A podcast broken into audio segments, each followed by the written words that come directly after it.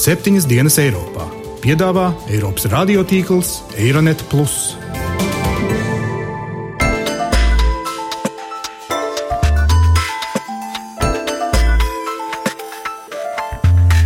Šonadēļ septiņas dienas Eiropā dzirdēsim.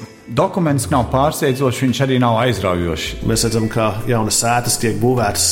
Mēs tad runāsim ar Eiropas parlamentu, ar dalību valstīm. Mums ir jāgaida no komisijas.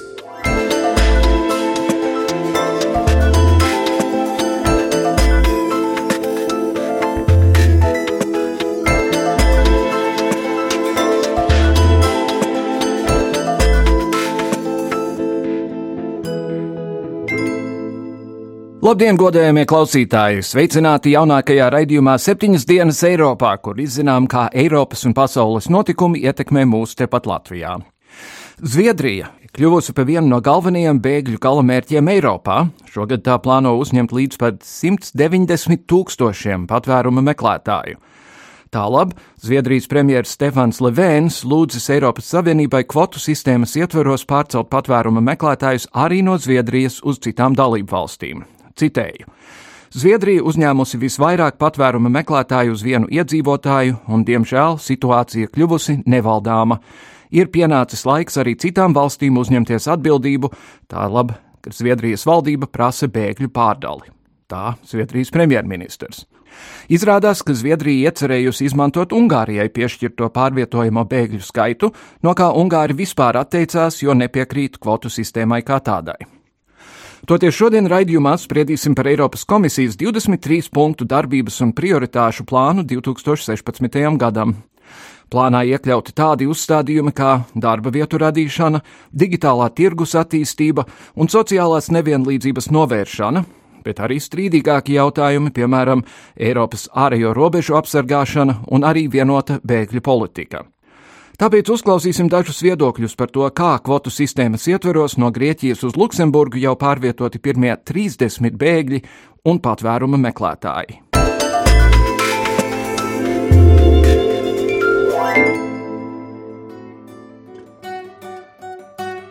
Septembrī tika panākta vienošanās turpmāko divu gadu laikā no krīzes smagāk skartās Itālijas un Grieķijas uz pārējām Savienības valstīm pārvietot 160 tūkstošus migrantu.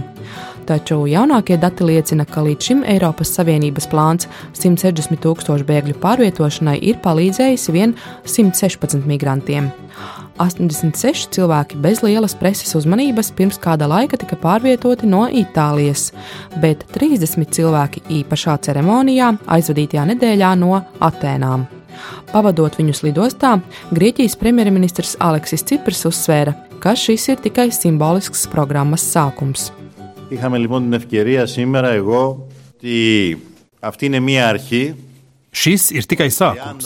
30 no tiem tūkstošiem, kur ir pametuši savas mājas, ir bēguši no kariem Sīrijā un Irākā, meklējot labāku dzīvi. Tā ir tikai pile okeānā. Mēs gribam, lai šī pile kļūst par straumi, un tad par solidaritātes un atbildības upi. Αλληλεγγύης, συνευθύνης, διαμερισμού της ευθύνης, της κοινής μας ευθύνης. 30 cilvēki ir niecīgs skaits, vien 0,1% no tā cilvēku skaita, par kuru tika panākta vienošanās. Taču lielas cerības uz lielāku pārvietojamo skaitu nav. Uz šo brīdi pārvietošanas plānā piekritušas piedalīties tikai 14 valstis, kas kopumā ir atvēlējušas 1418 vietas. Analītiķi uzsver, ka Eiropas komisija ir zaudējusi savu ietekmi šajā jautājumā. Tā ir pārtapusi par nacionālo valdību izvēli. Daudzas valstis atsakās piedalīties, bet tās, kas piekrīt, dara to nelabprāt. Problēmu uzsver arī Eiropas parlamenta prezidents Mārtiņš Šulcs.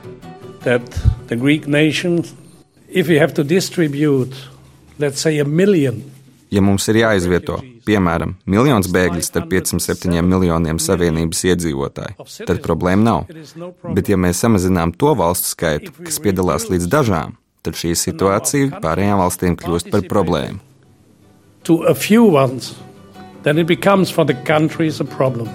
Turklāt arī daudzu klusībā cerētais plāns par ziemas tuvošanos bēgļu plūsmu arī nav mazinājis. Kā izdevumam New York Times skaidro ANO bēgļu aģentūras pārstāve Aleksandra Morelī, ierašanās šādā ziemā ir bezprecedenta, taču tas kļūst skaidrs, ja paraugās no viņu skatu punkta. Migrantu vidū šobrīd valda uzskats tagad vai nekad. Viņi uzskata, ka otras iespējas var vairs nebūt, tādēļ viņiem ir jāuzņemas risks neskatoties ne uz ko. Tas nozīmē, ka valstīm, kurām jau šobrīd ar grūtībām ir jātiek galā ar lielo bēgļu skaitu, arī turpmāk vieglāk nekļūs. Cerības, ka laika apstākļi un diplomātija ārkārtas situāciju uzlabos, līdz šim nav piepildījušās. Tādēļ valdībām ar steigu būs jāveido apsildāmi tranzīta centri. Eiropas komisijas 2016. gada darbības plāna piedāvājums tiek ievadīts šādi. Jauni izaicinājumi prasa jaunus un vērienīgus risinājumus. Tāpat, risinot aktuālas problēmas, Eiropas piedāvātajiem risinājumiem allaž jābūt efektīviem, un mums jāpārliecinās, ka tie kalpos mūsu kopīgajiem mērķiem. Būtiski ir rezultāti, nevis tikai labi nodomi. Ja gribam sasniegt savus vērienīgos politiskos mērķus, daudzās jomās ir nepieciešama kopēja pieeja Eiropas līmenī. Mums ir augstu jāuzstāda vidas aizsardzības laktiņa, mums jābūt augstiem sociālajiem un nodarbinātības standartiem, mums jāgādā par energoapgādes drošību, jāveicina plaukstoša ekonomika, kas dod labumu visiem, un ir jāizstrādā migrācijas politika, kas atspoguļo mūsu kopīgās vērtības.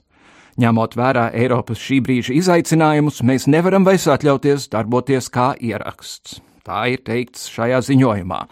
Vairāk par Eiropas Savienības nākamā gada prioritātēm mana kolēģe Jāņa Kropa Sižetā.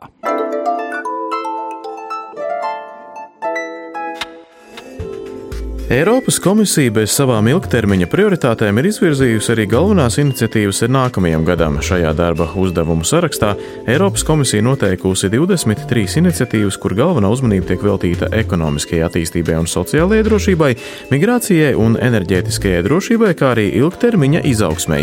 Jau pirmo uzmetumu šim nākamā gada darbu sarakstam Eiropas komisijas prezidents ieskicēja septembrī.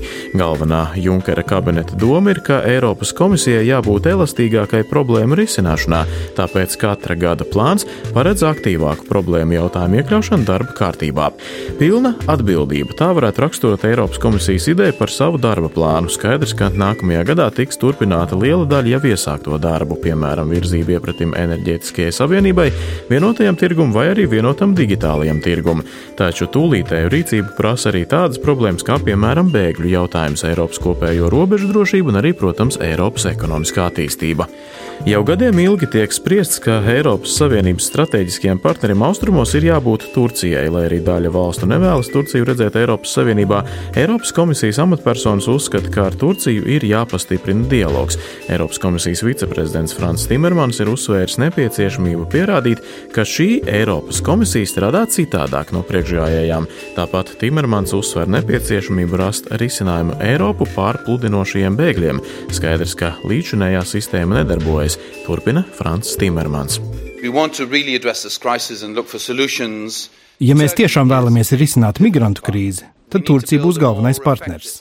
Mums ir jāizstrādā efektīvāka migrācijas un patvērumu pieprasīšanas politika, kas paredz pastiprināt mūsu ārējo robežu kontroli. Dokumentu paketi, kuru mēs ceram piedāvāt decembrī, paredz virzīties tuvāk kopējai Eiropas robežsardzei un kopējai Eiropas krasta apsardzei. Nemuļķosim paši sevi. Šī krīze būs ar mums vēl ilgi, un izaicinājumi, kas nāk līdzi ar šo krīzi, nebija saskatāmi tajā laikā, kad mēs izstrādājam Dublinas noteikumus imigrantu uzņemšanai. Tāpēc es uzskatu, ka Dublinas līgums būs jāpārstrādā. Un ne tāpēc, ka šis līgums nav apstiprināts visās dalību valstīs, bet gan tāpēc, ka Dublins līgums mūsdienu situācijā vairs nerisina bēgļu krīzi. Tāpēc es redzu nepieciešamību pastiprināt dialogu ar Turciju, ko vajadzēja darīt jau agrāk. Un viena lieta, ko varētu piedāvāt, būtu vīzu režīmu atvieglošana. Dublinas sistēma paredz to, ka cilvēkam, kurš ir iebraucis Eiropas Savienībā, ir tiesības atgriezties tajā valstī, kurā viņš pirmo reizi šķērsoja robežu. Tā kā lielākā daļa bēgļu nonāk Eiropas Savienībā caur mūsu mūsu dienvidu robežām visvairāk šādā sistēmā cieši tādas valstis kā Itālija vai Grieķija. Pēc Dublinas līguma noteikumiem šīm valstīm ir pienākums uzņemt visus tos, kurus atraida citās valstīs.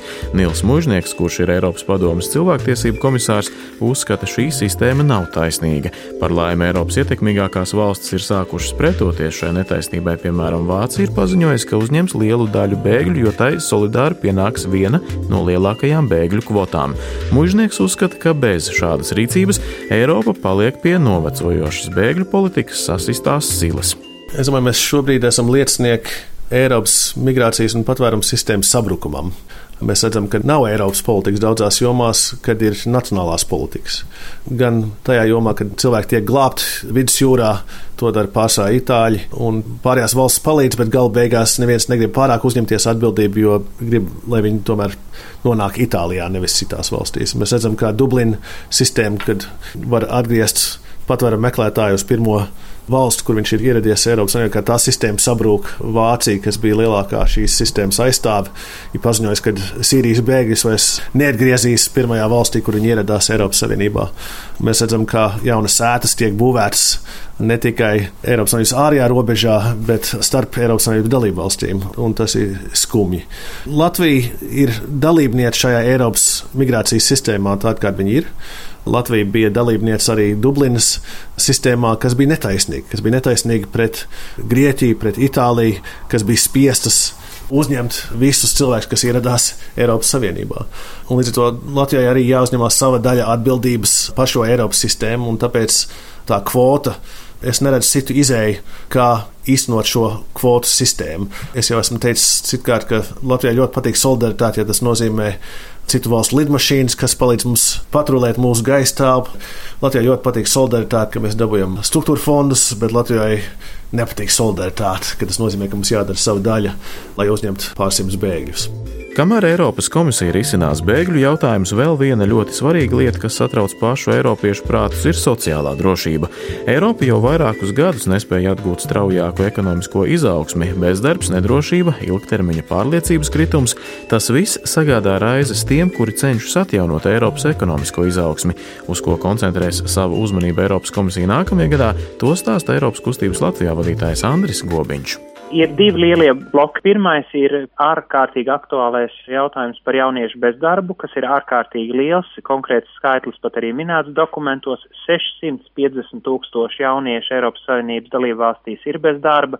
Dažos brīžos pilnīgi jau runā par zudušo paudzi, vai nu tikko kā jaunietis ir vairāk kā 3-4 mēnešus bez darba, nu viņu motivēt pēc tam iedrošināt, tomēr pieteikties un meklēt to darbu kļūst arvien grūtāk. Otrais bloks ir nevienlīdzības mazināšana, ja to tā drīkst raksturot. Šīs otrais bloks ir grūtāks Eiropas līmenī, jo, protams, visi sociālie jautājumi ir dalībvalstu kompetencēs, un tādā veidā arī ieskatoties dokumentu šajos teikumos, nu, ko tad tagad reāli Eiropas komisija solās darīt, nu, viņiem tad tie teikumi ir tādi, nu, mēs tad runāsim ar Eiropas parlamentu, ar dalībvalstīm, centīsimies tur panākt mazāk atšķirības sociālā likumdošanā, nu, lai vismaz, teiksim, kaut kādas tur netaisnības vai citas sociālas kritēriju piemērošanas eh, mazinātos, bet tās Eiropas komisijas rīcības iespējas ir daudz, daudz ierobežotākas nekā varbūt citās jomās. Andris Gobiņš vēl arī norāda, ka viens veids, kā Eiropas komisija varētu censties ietekmēt dalību valstis, ir ieviestais tā sauktais semestris, kurā dalību valstīm ir jāatrāda savi valstu budžeti.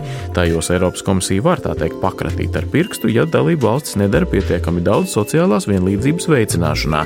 Vienīgā bēda vēl joprojām nav to mehānismu, kas varētu arī likt dalību valstīm ņemt vērā objektīvus norādījumus. Skaidrs, ka 28 valstu kora diriģēšana vēl joprojām paliek sarežģīts pasākums pasākums, bet, kā norāda Andris Gobiņš, atšķirībā no Jose Manuela Barozo vadītās komisijas, Žana Kloda Junkera komisija cenšas risināt lielākas problēmas, un viens no redzamākajiem panākumiem ir viesabonēšanas tarifu atcelšana jau no 2017. gada.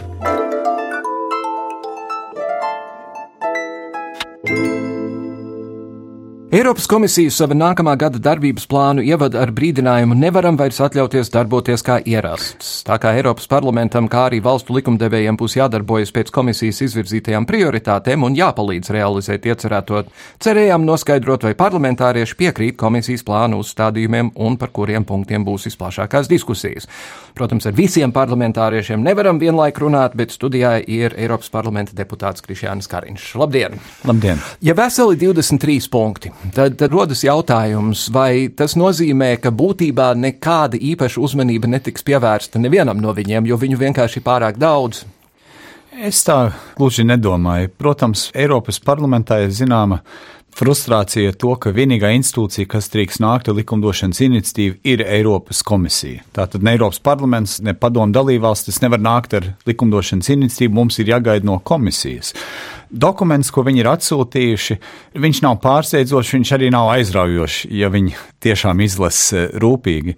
Bet kā es to saredzu, un tas, ko mēs no mūsu frakcijas puses, arī es kā Latvijas deputāts, es spiedīsim uz to saucamo vienoto tirgu. Tas ir Eiropas Savienības pamatu pamats, kuram būtu jābūt. Mēs zinām, ka joprojām pastāv visādi šķēršļi. Un konkrēti arī, ja skatās komisijas darba plānā, ir divi punkti, kas man liekas tie būtiskākie arī tieši mums Latvijai. Viens ir enerģijas savienības izveidi, tātad tirgus gan ar elektrību, gan ar gāzes Eiropas Savienības ietvaros. Tas mums ir ļoti no svara arī tā skaitā kā drošības apsvērums, lai mēs varētu atbrīvoties no tā vienīgā gāzes piegādātāja no Gazproma un ka mums funkcionētu tirgus pēc Eiropas Savienības likumiem. Un otrā joma ir digitālā sfēra. Mēs zinām, ka joprojām pastāv ļoti daudz šķēršļu tiem, kas grib tirgoties internetā, piedāvāt savus preces pakalpojumus, tā skaitā PVN neskaidrības.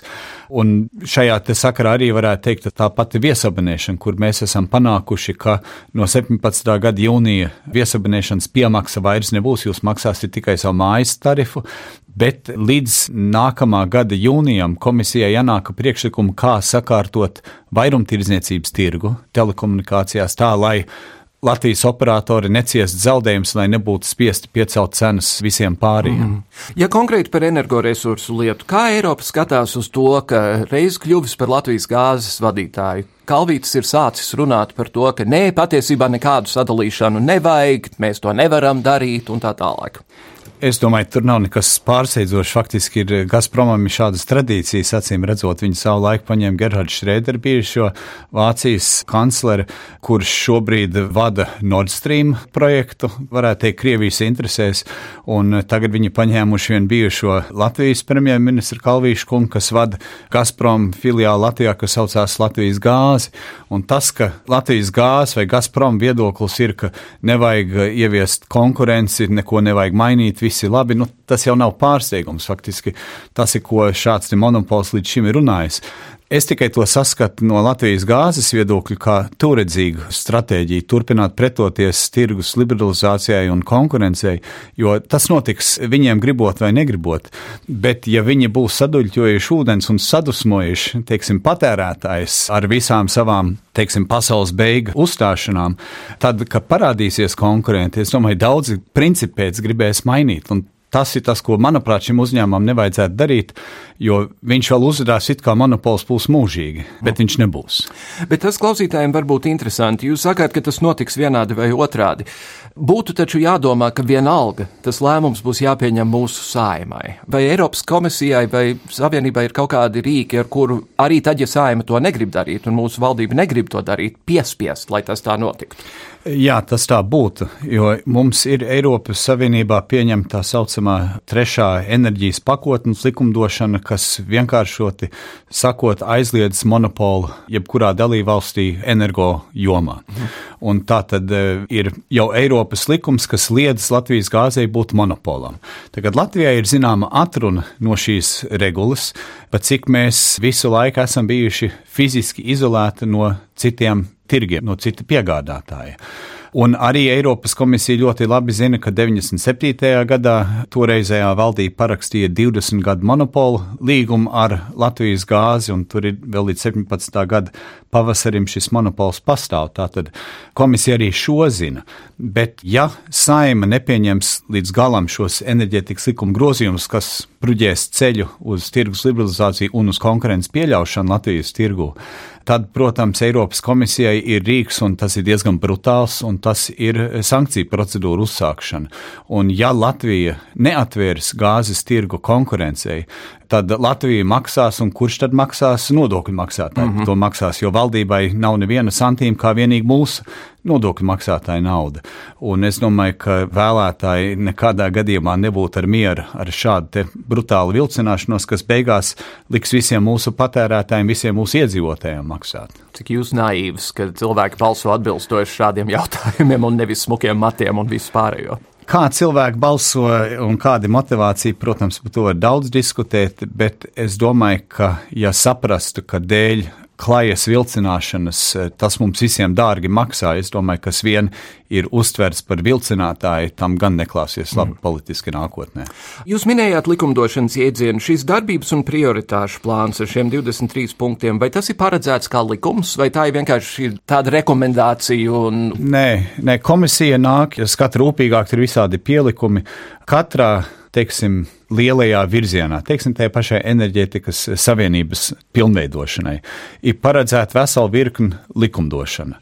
Tā izskaitā, piemēram, gāzes drošības regula tiks vēlreiz atvērta, lai apskatītu, kā vajadzētu dalībvalsts sevi nodrošināt ar rezerves gāzi, kā vajadzētu sevi nodrošināt ar pretējo plūsmu ar kaimiņu valstīm, kad gadījumā, ja vienā valstī ir avārija, kāda liela problēma, kad piegādes varētu nākt par alternatīvu ceļu, un tā tālāk arī jāskatās, kādi vēl joprojām pastāv juridiskie šķēršļi šai brīvai tirdzniecībai, jo viņi pastāv. Parasti tas nav liegums pret konkurenci, bet tur ir atrunas, ka nu, šobrīd caurvadu kapacitāte pilna un lūdzu piesakieties nākamā jūnijā, eh, tad, kad vienam tā gāze nebūs vajadzīga, ja nav tā uzkrāšanas kapacitāte. Tātad šī regula uzskatīs visas šīs lietas. Tāpat komisija nāks ar priekšlikumu ka viņiem vajadzētu likumis tiesības ieskatīties ne tikai starp valdību līgumos, kā tas tagad ir ar Gazprom un, un uh, Eiropas Savienības valstīm, bet arī starp, teiksim, Gazprom un lielajām kompānijām. Un tas mm -hmm. ir ļoti no svara mums kā latviešiem atkal dēļ šī Nord Stream paplašināšanas projekta, kur, ja mēs varētu redzēt tekstu, es pats minu, kad viņš būtu pretrunā ar Eiropas Savienības konkurences likumdošanu, jo ir gāzes savienojums no Krievijas uz Vāciju, bet tam savienojumam jābūt pieejamam konkurencei trešām pusēm. Mm -hmm. nu, tad, ko viņi tā grūti iedomāties, ka viņi plānot izbūvēt, teiksim, vienu trīnieku savienojumu Baltijas jūrā tā, lai varētu kāds pieslēgties klāt. Tas faktiski diezgan nereāli, kas norāda vai vismaz vieš aizdomas par to, ka faktiski šis ir pilnīgi ekskluzīvs eh, projekts, kas ir pretrunā ar Eiropas Savienības likumdošanu. Mm -hmm. Ja tādu uzbūvē un viņš izrādās ir, tad tas konsorcijas, kas šo būs būvējis, cietīs un dabūs maksāt naudu. Daudz prātīgāk būtu ļaut komisijai pirms darbības uzsākšanas apskatīt šo līgumu, izvērtēt, vai viņš ir vai nav pretrunā ar Eiropas likumiem. Ietaupot šādā veidā tieši Eiropas energokompānijām līdzekļus. Bet šīs Eiropas kompānijas ir ieinteresētas šajā projektā. Protams, nedēļa tā, ka Vespa taisno gāzi uz Vāciju apējot Ukrainu, kas ir negatīvs aspekts, bet tas, es domāju, šīs kompānijas neinteresē, bet viņi pretī saņem tiesības Sibīrijas gāzes laukos darboties, tātad tieši pie gāzes ieguvs, jo Eiropā tās ieguvs iet mazumā, Sibīrijā tie krājumi, cik es esmu lasījis, ir ļoti bagātīgi, Eiropas kompānijām tur spēj tik klāt nozīmē nopelnīt vairāk naudas. Bet tad rodas jautājums, ir Eiropas Savienība no vienas vienas puses, un tad ir Krievija, kura ir pēdējos gados pierādījusi, ka tā neakceptē pilnīgi nekādus līgumus, pilnīgi nekādus noteikumus, nedarbojas vispār nekādos rāmjos. Un ko ar tādu var sarunāt? Redz, manuprāt, nav tik daudz tas jautājums par sarunāšanu. Ir jautājums par likuma spēku. Eiropas likumam mēs zinām, ka ir spēks Eiropas Savienības teritorijā. Mums jau nav iespēja ietekmēt, ko Krievijas prezidents domā vai kādus likumus viņa parlaments pieņem vai nepieņem. Bet Eiropas komisijai ir iespēja ietekmēt jebkuru uzņēmēju darbību, kas atrodas Eiropas Savienības teritorijā. Un tā mēs redzējām pirms vairākiem gadiem, Eiropas Savienības konkurences uzraugs vērsās pret Bill Gates vadīto uzņēmumu Microsoft, mm -hmm. kura rezultātā Microsoft zaudēja un vairāk simts miljoni, ja nemaldos, ap 600 miljoniem eiro iemaksāja Eiropas Savienības budžetā kā sodu. Un vēl pie tam bija spiest mainīt savu rīcību mm -hmm. ar šo ekskluzīvo vidi, ko piedāvāja uh, datoros. Lai arī tas ir amerikāņu uzņēmums. Tas ir amerikāņu uzņēmums ar Amerikas valdības lobby, ar labi apmaksātiem, labi izglītotiem advokātiem, them bet viņi nekā nevarēja darīt pret Eiropas komisijas konkurences uzraugu, kas ir no visām Eiropas institūcijām, manuprāt, tas spēcīgākais. Un pat labi, tas pats notiek ar Gazprom. Un tas pats notiek ar Gazprom, tas tikai sākuma stadijā. Ga Eiropas komisija ir pacēlusi formālu sūdzību pret Gazprom par ļaunprātīgu tirgus dominējošā stāvokļa izmantošanu astoņās Austrum Eiropas valstīs, tā skaitā šeit Latvijā. Eiropas komisija uzskata, ka mēs, kā patērētāji, esam gadiem ilgi pārmaksājuši par gāzi, Krievijas gāzei vai Latvijas gāzei šajā gadījumā, dēļ tā, ka ir monopola piegādātājs, viņš ir varējis uzkrūvēt cenas kā pašam tīk. Gazprom šobrīd ir tajā pirmajā atrakstīšanas stadijā, un interesanti vērot, ka viņa taktika ir procedurāla. Viņi raksta, ka nē, nu, saka, ne tā forma, ne tajā veidā tā sūdzība nav pareizi celta, kur kā vērotājiem no malas es saprotu, ah, viņiem tiešām nav argumentu. -hmm. Tā tad tikai mēģinās vilcināt procedurāli. Varbūt var paildzināt gadu, divus, bet tur ir zināma neizbēgamība šajos procesos. Un es domāju, kas notiek, ir, kamēr Gazprom vadība lēnām saprot, ka ir zināma bezizēja, un kamēr šī ziņa uzfiltrējās caur Kremļa un Kremļa vadību, tad eh, paies kāds laiciņš. Eiropas komisija turpinās spiest, un mans minējums, tā nav prognoze, tas ir minējums, ir, ka Gazproms sapratīs agri vai vēl, ka tur ir potenciāli ļoti lieli naudas sodi, līdz 10% no apgrozījuma, kā 10 miljardi eiro maksimālais sots. Nu, Tāda neiedomājama summas ka viņi piekāpsies un meklēs kaut kādu izlīgumu mm -hmm. ar to mēs, to mēs redzēsim. Tajos 23 punktos ir arī tādi jēdzieni kā darba vietu radīšana un sociālās nevienlīdzības novēršana. Tie ir diezgan izplūduši jēdzieni. Piedāvām tie ir jautājumi, kas ir individuālām valstīm, un pie mums Latvijā daudz, piemēram, ir runāts, ka nākamā gada valsts budžets tieši sit pa kabātu trūcīgākiem cilvēkiem un līdz ar to nepalīdz novērst sociālo nevienlīdzību. Es politikā tagad esmu 13, 14 gadus. Es neatceros nevienu kampaņu, nevienā valstī, nevienu partiju, kura nerunātu, ka viņi iestājās par jaunajām darba vietām un sociālo taisnību. Jā. Un tad jautājums, ja visi iestājās par šīm lietām, kāpēc nekas nenotiek? Mm -hmm. nu, tur iestājās politika. Tas, kas, manuprāt, varētu veicināt darba vietas, ir tieši tirgus ierobežojumu atcelšana. Jo brīvāks ir tirgus, tā ir mana pārliecība, jo brīvāks ir tirgus, jo lielāka iespēja ka radīsies jaunas darba vietas, jo investīcijām tā vide ir maksimāli droša, mm -hmm. nu, jo potenciāli liels noiets. Tātad, jebkurš šķērslis, ko ar komisijas iniciatīvu un ar likumdošanas palīdzību, jebkurš šķērslis, kuru mēs noārdām šajā tirgus ierobežošanas jomā, tas ir tas, kas palielinās darba vietas. Ja no konkrētiem darbiem, kas ir tagad nākusi teiksim, pēdējā gada laikā no Eiropas komisijas, ko arī parlamentā mēs esam strādājuši, mēs esam iedzīvinājuši likumdošanā. Tas notika vēl Latvijas prezidentūras laikā, faktiski ļoti ātri izstumts cauri, ka pusgadu laikā Tas ir sešos gados, kad es tur strādāju, tas ir pirmais precedents. Nekad tā nav bijis, ka tik ātri no sākuma līdz beigām izgrūž likumdošanu cauri. Malači latvieši. Nu, mūsu ārlietu resurss ir ārkārtīgi spēcīgs. Man liekas, daudz klausītāji varbūt to nelīdz galam apzinās, bet mēs tiešām esam spēcīgi šajā ziņā.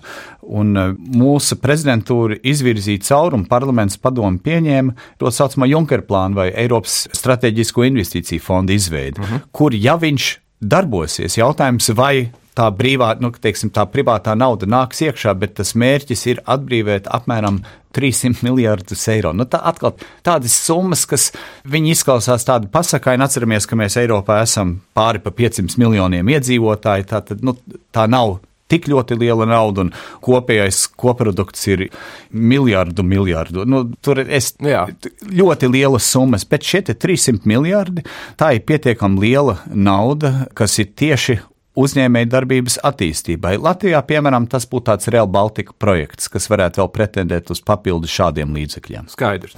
Junker vārdā, protams, ir nosauktas visādas lietas. Cilvēku vārds tiek piesaistīts, tā skaitā arī bēgļu plānam, un te ir atkal juku lietas. Ungārija vispār ir atteikusies sadarboties, Zviedrija tagad ir teikusi, ka tur ir tik daudz, ka viņi grib nu, savus bēgļus sūtīt daļai kaut kur citur. Ko Eiropa var darīt šajā lietā? Ja kādam būtu atbildi, gan jau būtu teicis. tā situācija ir tiešām nopietna. Ne tikai dēļ kardarbības Sīrijā, tas ir varbūt tas redzamākais un tiešākais iemesls vai cēlonis šai bēgļu plūsmai ir aplēsts, ka eh, sīrieši vien ir kādi 11 miljoni, kuri, nu, saka, neatrodas šobrīd mājās, kad 4 vairāk miljoni, kur atrodas eh, Turcijas, eh, Jordānijas bēgļu nometnēs, pārējie, kas atrodas kaut kur Sīrijā, bet, nu, saka, aizbēguši uz citu reģionu, mm. lai kaut kā izvairītos no kara briesmām. Šie cilvēki ne Jordānijā, ne Turcijā nav gaidīti. Turcijas 60, ja nemaldos, 9. gadā tad, kad bēgļu konvencija apvienotās nācijās paplašināja jēdzienu ne tikai no Eiropas pilsoņu uzņemšanas pienākums, bet jebkur bēgļu uzņemšanas pienākums Turcija toreiz neparakstīja. Tad viņam pat juridiski nav nekāda pienākuma šo sīriešus uzņemt sabiedrībā, dot eh, darba atļaujas, uzturēšanās atļaujas. Viņi varētu, nu, kā saka, viņus turēt tajās bēgļu nometnēs uz nenoteiktu mm -hmm. laiku, un tie bēgļi to ir sapratuši, un cilvēki tirgotāji, tie, kas pelna viņiem tās gumijas laivas, tur, nu, šausmu stāsti, kas tur notiek, kā cilvēki ar savu dzīvību riskē, lai nonāktu Eiropā, bet viņi ir saskatījuši un sadzirdējuši no tuviniekiem, ka Eiropa ir tā sapņu zeme, un tagad nāk, un ne tikai viņiem, sīriešiem, Eiropa ir sapņu zeme, bet arī veselam Ziemeļāfrikas un pat ne vairs Ziemeļāfrikas, mm -hmm. visur, kur kardarbība no tiem reģioniem cilvēki bēg, kur ta bēgs šodien pasaulē, nu, uz mieru un pārticības zemi, un tā ir Eiropas Savienība, tā ir skaitā Latvijā. Bet vai Eiropai būs vajadzīgs lielāks bombs šajā jautājumā, lai Ungārijai, piemēram, Orbānam pateiktu, neāksties vecīt, to es Eiropā, tev ir jāņem bēgļi? Es domāju, ka tas, kas šobrīd top, ir diezgan daudz šķautnaina pieeja. Pirmā reakcija bija palīdzēsim, otrā reakcija, tad, kad saprata, ka tie nav simts vai tūkstoši, tie ir pieci tūkstoši dienā un nevar redzēt galu tai rindai. Tad nāca tā otrā reakcija. Katra valsts, kā varēja, Ungārija aizvēra fiziski aizvēra robežu, Horvāti, Slovēņi, viņiem ir grūtības austriešiem, vāciešiem, dāņiem, zviedriem. Nu, katrs drusku reaģē pa savam. Mhm. Un tagad ir tas trešais, kas saprot, ka šī būs ilgstoša problēma, pieci, desmit gadi Viņi nekur nepazudīs, jo arī ja karš šodien apstātos Sīrijā, labklājība neiestātos, tad viņi kara izpostīta valsts.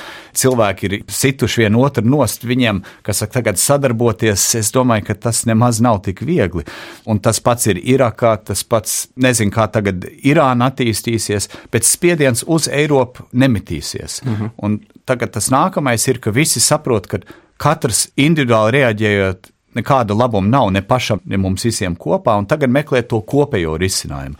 Un tas ir varbūt pirmām kārtām, par to arī runā Vācijas vadītāji, sakārtot Eiropas ārējās robežas, lai nevar vienkārši nekontrolēt, jebkurš šķērsot un kājām vai ar vilcienu vai taksometru nonākt, eh, teiksim, Minhenē. Tā skaitā vidusjūrā izvietojot vairāk kuģus. Un... Jā, jā, un tad Eiropas robežu dienas saucamais Frontex ir paredzēts to stiprināt ar kapacitāti. Tā lielākā grūtība ir, ja spētu aizslēgt robežu, nodrošināt robežu, ka tikai var ar attiecīgiem papīriem, bet nāk tie tūkstošie, tūkstošie cilvēki katru dienu, kur viņus izmitināt. Jā. Un tas ir tas, ko mēģina tagad ar Turciju vienoties, ka Turcija, tad, ja Eiropa maksātu naudu, lai Turcija viņus nu, piedienīgāk izmitinātu, lai nebūtu viņiem tā vēlme tūlīt pamest drausmīgos apstākļus un riskēt ar dzīvību, lai nonāktu. Eiropā. Mm -hmm. Un te ir ļoti sarežģīti, jo Turcija, kur pēdējos desmit gadus ir bijusi lūdzēja Eiropā, mēs gribam bezvīzu režīmu, mēs gribam iestāties Eiropā, lūdzu, lūdzu, lūdzu. Tagad pēkšņi Erdogans, kas atkal uzvarējis vēlēšanas, viņš ir atviezies, viņš saka, draugi, mm -hmm. Ja? tagad es jums esmu vajadzīgs. Un tagad viņš sāk uzstādīt savas prasības Eiropai, un tagad ir tā grūtība teiksim, ko dalībvalstis kopumā uz ko būs miera, ko ne, ko ar to bezvīzes režīmu, jo baidās tādas valsts kā Vācija, kuriem jau ir ļoti daudz turku strādnieku, agrāk viņi sauc par viestrādniekiem, kad nāks vēlreiz tik daudz, jo no, nu turki ļoti daudz un ne visi bagātīgi. Un uz, uz šī fona, laikam, nobeidzot, ir jāsaka, Latvijai, latviešiem tomēr būtu jāsaprot, ka tie 775 bēgļi, kurus mēs esam piekrituši uzņemt, tas nav uz kopējā fona nekas briesmīgs ne tikai tas nav nekas briesmīgs, bet uz tā kopējā fona, cik mums vispār ir visādi cilvēki, kas Latvijā ir ar dažādām uzturēšanas atļaujām, tur ir desmitiem tūkstoši tāda. Tātad, ja vēl 700 uz tā kopējā fona, tas ir vispār nemanāms cipars, bet kur mums ir jāpievērš uzmanība nopietni, ir uz to saucamo sabiedrības integrāciju. Jo mēs kopš padomju laikiem neesam spējuši vēl līdz šim integrēt toreiz ieceļojošos, krieviski runājošos cilvēkus. Ne visus. Daļa ir ļoti labi integrēta, bet pietiekami liels skaits joprojām nav. Kaut vai skatāmies uz to, kuri atsakās uzņemt Latvijas pavalsniecību. Mm -hmm. nu, tie gandrīz 300 tūkstoši cilvēki, nu, pēc jebkura kritērija viņi nav ieintegrēti. Viņi arī paši neizrāda šo vēlmi.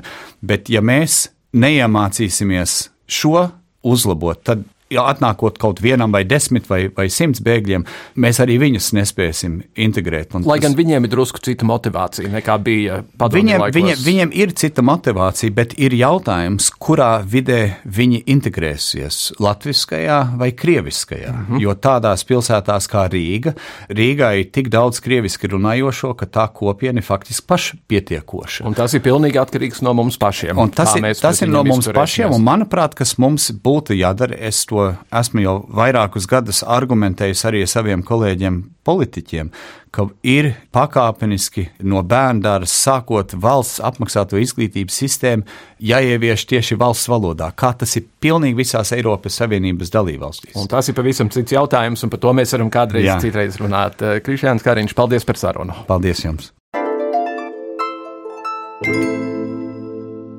Sokrāts, viens no rietumu filozofijas pamatlicējiem, reiz teica, pārmaiņu atslēga ir veltīt pūles, nevis cīnoties ar veco, bet gan ceļot jauno.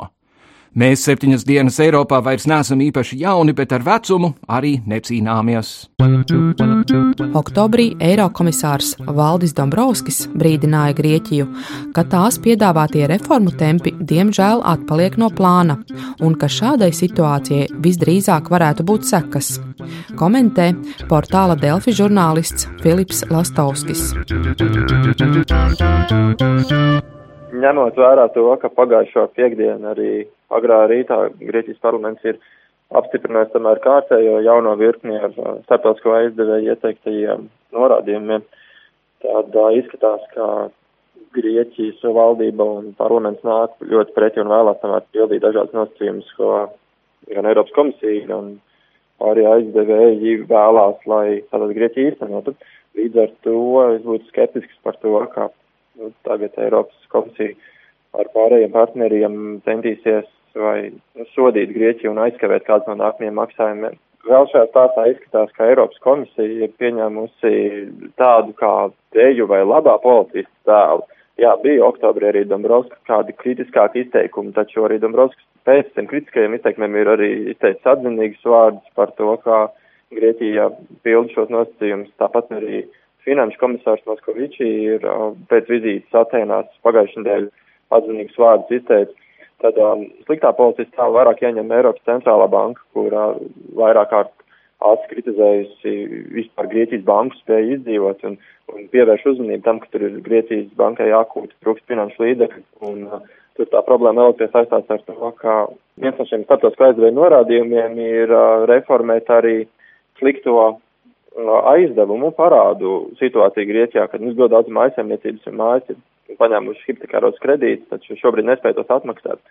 Un tā kā viņi nespēj tos atmaksāt, un simtiem tūkstoši Grieķi nevar atmaksāt šo parādu, tad, tad bankām arī trūks līdzekļu arī no šī, no šī resursa, un tad viņas ir tādā slidā pozīcijā, un Eiropas centrālā banka uz to ļoti tam vērš uzmanību.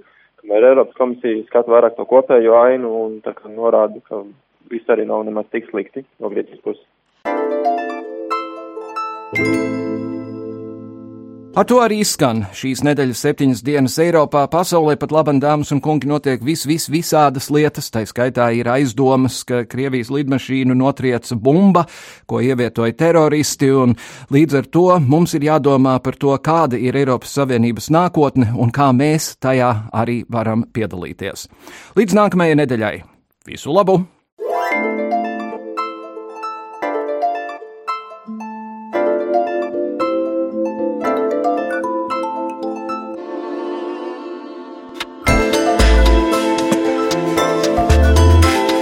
Raidījumu veido Kārlis Streips, Gita Siliņa un Jānis Krops. Producents Lukas Rozītis.